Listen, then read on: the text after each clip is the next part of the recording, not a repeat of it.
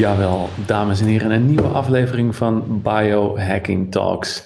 En ik zit hier natuurlijk weer aan tafel met Eduard. Eduard, hoe is het? Ik zie een grote glimlach bij jou.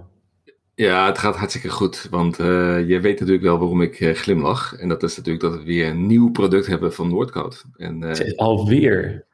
Ja, het is elke keer is dat wel weer een feest hoor, om, weet je, om zo'n product in je handen te hebben. Je kunt, je kunt handelen in producten en weet je, je kunt reseller zijn en dat, daar ontzettend van genieten en mensen blij maken. Maar het maken van een eigen product, geheel zoals je dat zelf in gedachten hebt, dat is toch wel heel erg cool.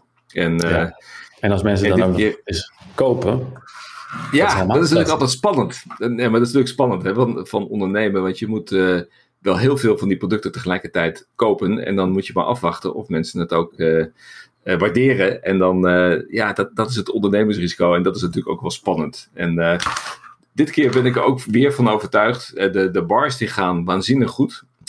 en ik ben er nu ook Keto bars. Dat we, de Pure Keto Bars. Die, zijn, uh, die vallen erg goed in de smaak. Uh, die hoef je niet alleen maar te nemen op het moment dat je uh, een ketogeen dieet volgt. je kunt het ook gewoon nemen als je gewoon honger hebt. En het is zeer verzadigend. En, dus bijvoorbeeld tijdens het sporten, als je aan het fietsen bent of en een, een, lange inspanning doet, dan zijn dat uitstekende snacks.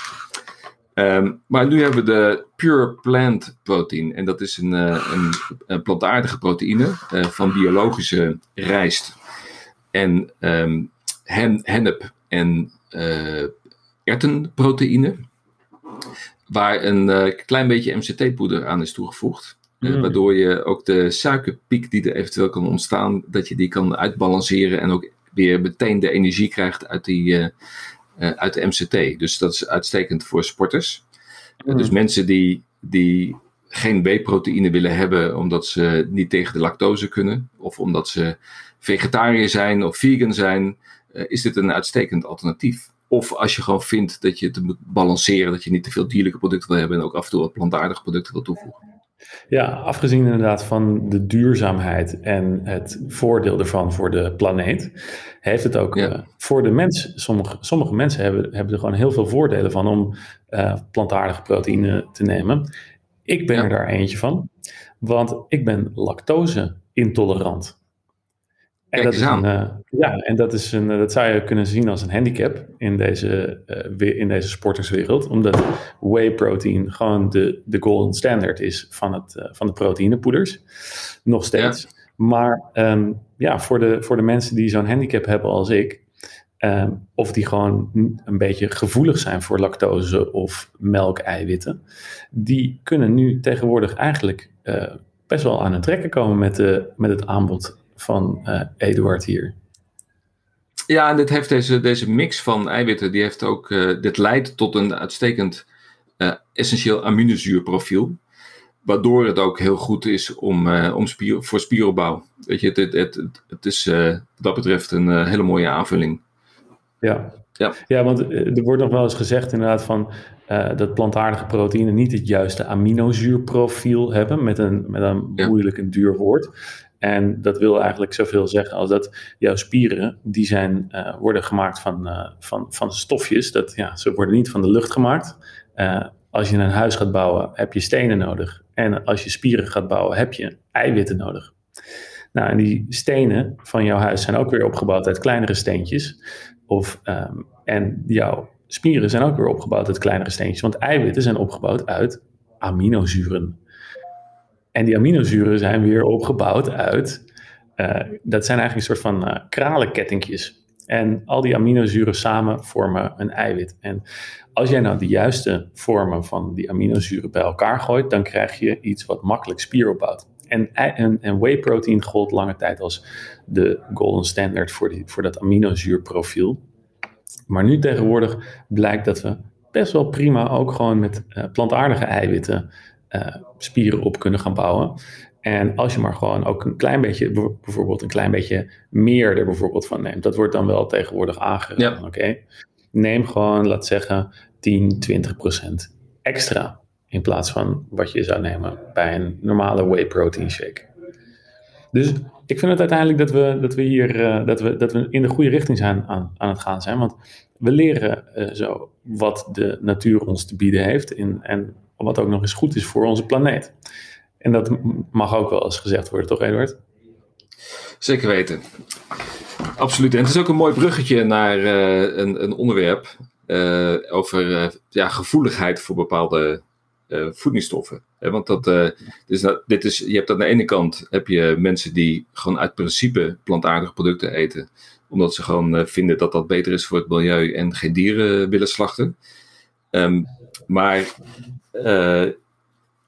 je hebt ook mensen die, zoals we net al aangaven, eh, gevoelig zijn voor bijvoorbeeld lactose. En ja, weet je, en dan heb je een mooi alternatief. En zo zijn er natuurlijk wel meer producten die je al dan niet principieel of vanuit gezondheid denkt beter te kunnen laten staan. Hmm, en, en, en welke laat jij het liefst staan eigenlijk, Eduard?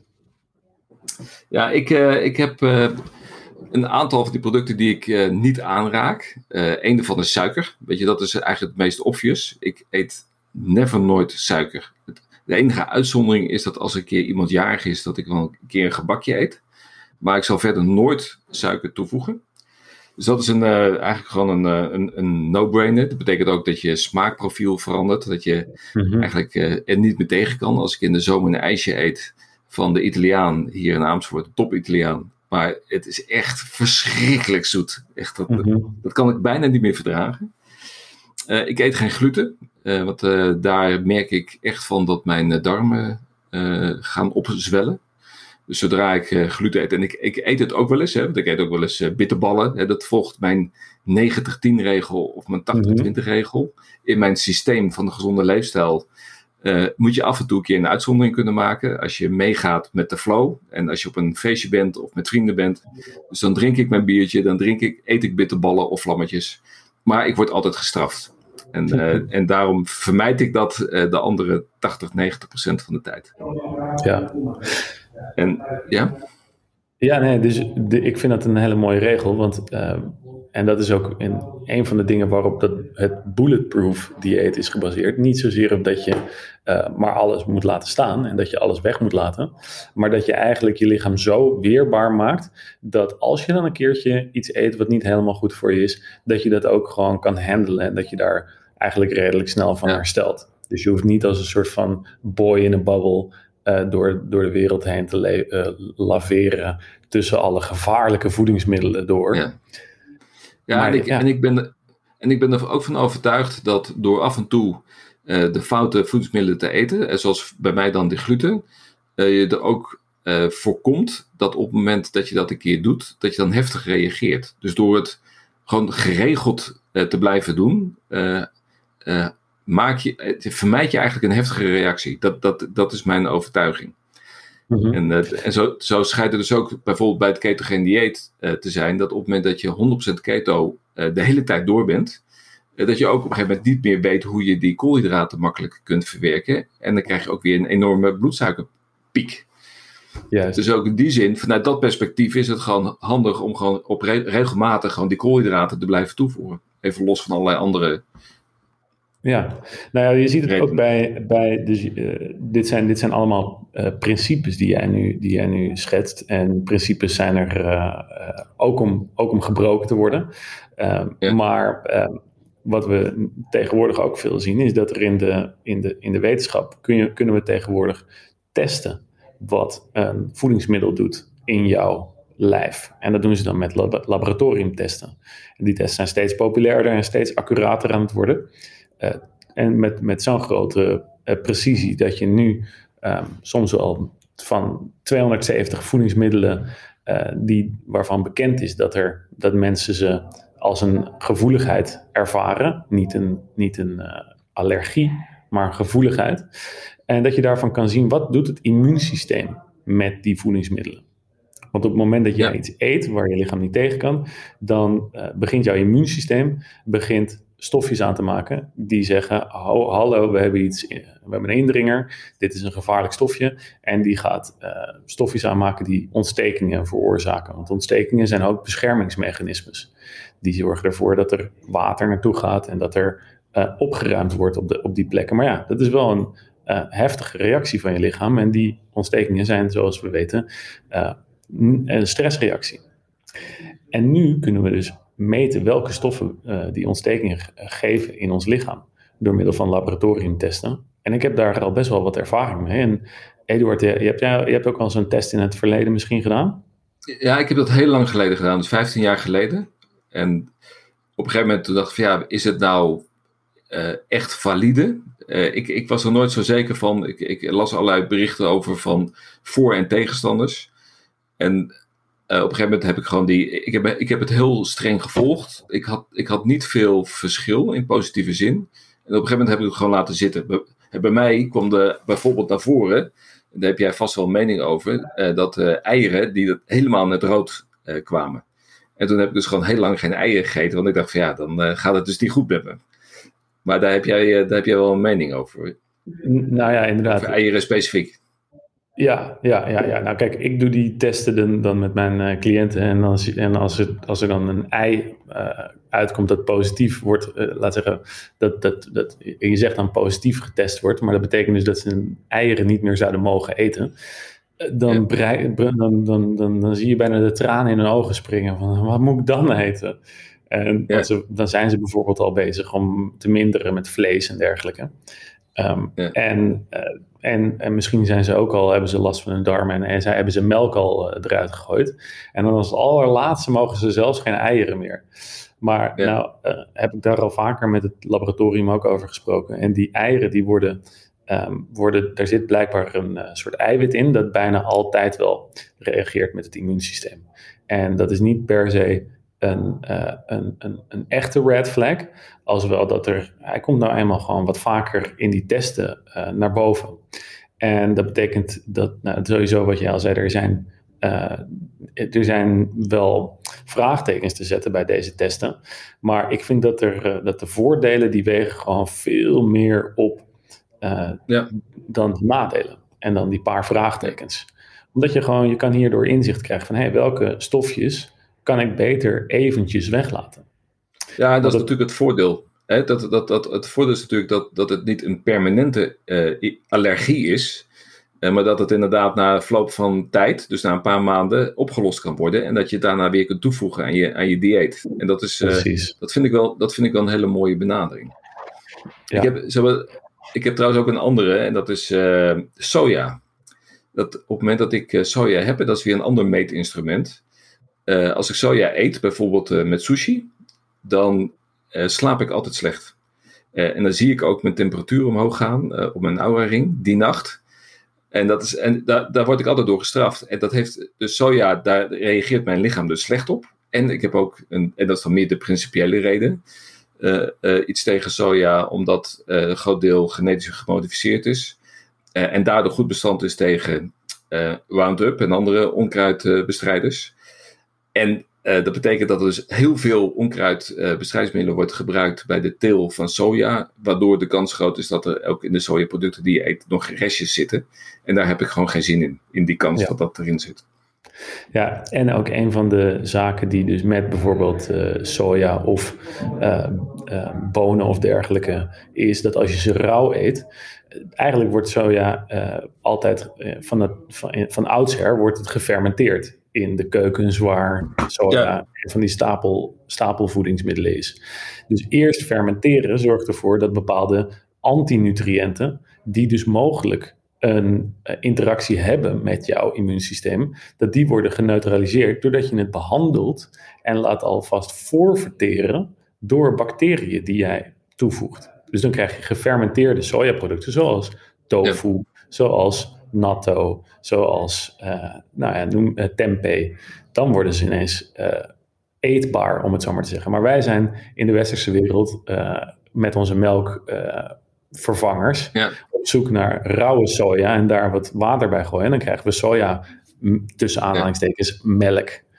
Wat ja. in mijn ogen um, meer kwaad doet dan goed in grote hoeveelheden. Kleine hoeveelheden kunnen, kan je, moet je kunnen hebben als bulletproof persoon. Ja, dus Kijk, ze, er gaan wel eens van die verhalen rond dat je estrogenen, hè, door hormoonbalans, dat je te veel estrogenen krijgt, maar daar geloof ik niet zo in. Dan moet je wel heel veel soja eten als man om, uh, om dat uit balans te laten raken. Ja, ik heb natuurlijk jarenlang in zo'n supplementenwinkel gewerkt. En daar kwam ik op een gegeven moment inderdaad iemand tegen en die vertelde mij dat hij ehm, toen hij jong was en weinig geld had, dat hij in bulkzakken sojaproteïne bij een groothandel ergens vandaan haalde. Omdat sojaproteïne wordt gewoon bijvoorbeeld in de broodindustrie gebruikt om uh, wat meer fluff te geven aan, aan brood. Of in de voedingsindustrie wordt soja als een heel goedkoop uh, vulmiddel gebruikt om ook wat, uh, wat eiwitten ergens aan toe te kunnen voegen. En hij is toen gewoon als een, hij dacht van, oh, ik heb hier een loophole in het systeem ontdekt. Ik kan goedkoop proteïne ergens vandaan toveren. En die is toen als een gek dat spul gaan eten. En merkte toen op een gegeven moment dat hij toch wel een beetje gevoelige tepels kreeg. En ja, uh, ja, ja, dit is, dit is wat hij mij vertelde. Het is een betrouwbare bron. Een, maar dan moet, je, dan moet je gewoon dan moet je extreem veel eten. Zo, Normaal gebruik, eh, dan moet er geen probleem zijn. Precies, nee. precies, dat is de kern van dit verhaal. Ja. Van, ja, inderdaad, er zit een kern van waarheid in, alleen in hele grote hoeveelheid. Dus laten we elkaar niet bang maken uh, voor, een, voor een beetje soja en melk in je, in je cappuccino. Nee. Er is nog een andere, en uh, dat is uh, plantaardige olie, zoals zonnebloemolie, die, die neem ik ook niet. En dat, dat heeft ook twee redenen. Eh, de ene reden is dat die eh, bij de fabrikage verhit worden en dat zijn onverzadigde vetzuren. Dus dan de kans op oxidatie is dan vrij groot. Dus dat, dat je in feite tussen aanhalingstekens bedorven olie eet. en dat is niet goed voor je, want dat is ontstekingsbevorderend. En het, is, het, brengt de balans van omega-3 en omega-6 uit verhouding als je te veel plantaardige olie neemt. Hè? Want dat is natuurlijk wat ze uitgerekend hebben in het westerse dieet zijn we, uh, omdat het gezond is, plantaardige oliën gaan toevoegen. Maar daardoor is de ratio uh, omega-3, omega-6 uh, uit verhouding geraakt. en, een, en een gunstige verhouding is een, bijvoorbeeld omega-3 1 en omega-6 2, 3 of 4. Weet je, dat zijn goede verhoudingen. maar in het westerse dieet is het vaak 1 op 30, hè, wat de gemiddelde ja. mens eet. Of, of, of, nou, dan heb je dus te veel omega-6, dat is ontstekensbevorderend. Uh, en te weinig omega-3 uh, eh, ontstekingsremmend. Dus dan is die balans weg. En uh, dus daarom probeer ik die plantaardige olie zoveel mogelijk te vermijden. In, in, de, in, de, in de zin van zonnebloemolie. Ik neem wel olijfolie. Ja, dat is, um, dat is dus ja. ook een, dat zijn andere vormen van, van, van, die, van die vetzuren, zoals het heet. Dat is ook ja. in olijfolie zit dan oleic acid. Maar in de omega-vetzuren zit vooral archidonzuur. En dat is dan in grotere hoeveelheden weer ontstekingsbevorderend.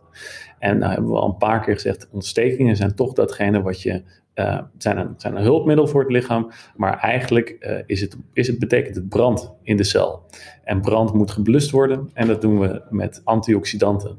En als we dan ook nog eens te weinig antioxidanten binnenkrijgen, omdat we te weinig uh, groente en fruit eten, zoals het grootste gedeelte van de westerling doet, en te veel van die omega-6 vetzuren, zoals je kan vinden in dus canola oil en uh, zonnebloemolie en um, saf, en uh, noem, het, noem ze inderdaad maar op. Ik zal ze nog een keertje, misschien wel eventjes in de, in de beschrijving zal ik ze even allemaal zetten.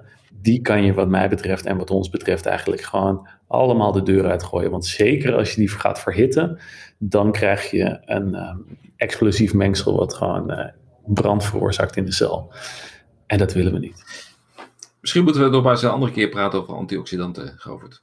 Ja, het, want daar, over antioxidanten kunnen, raken wij nooit uitgepraat, Eduard. Nee, daar, daar, kunnen, daar kunnen we tientallen podcasts over maken. Ja, en ik denk dat iedereen het heerlijk vindt om ons over antioxidanten ja. te horen lullen.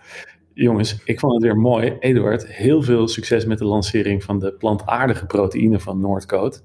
Uh, jongens, als jullie deze podcast cool vonden en je wil uh, kans maken op die plantaardige proteïne van Noordcoat, stuur ons een berichtje, at Forgiver, at Eduard de Wilde. En uh, dan kun je kans maken op deze prachtige, prachtige, duurzame en spieropbouwende proteïne. Tot volgende. Tot volgende week,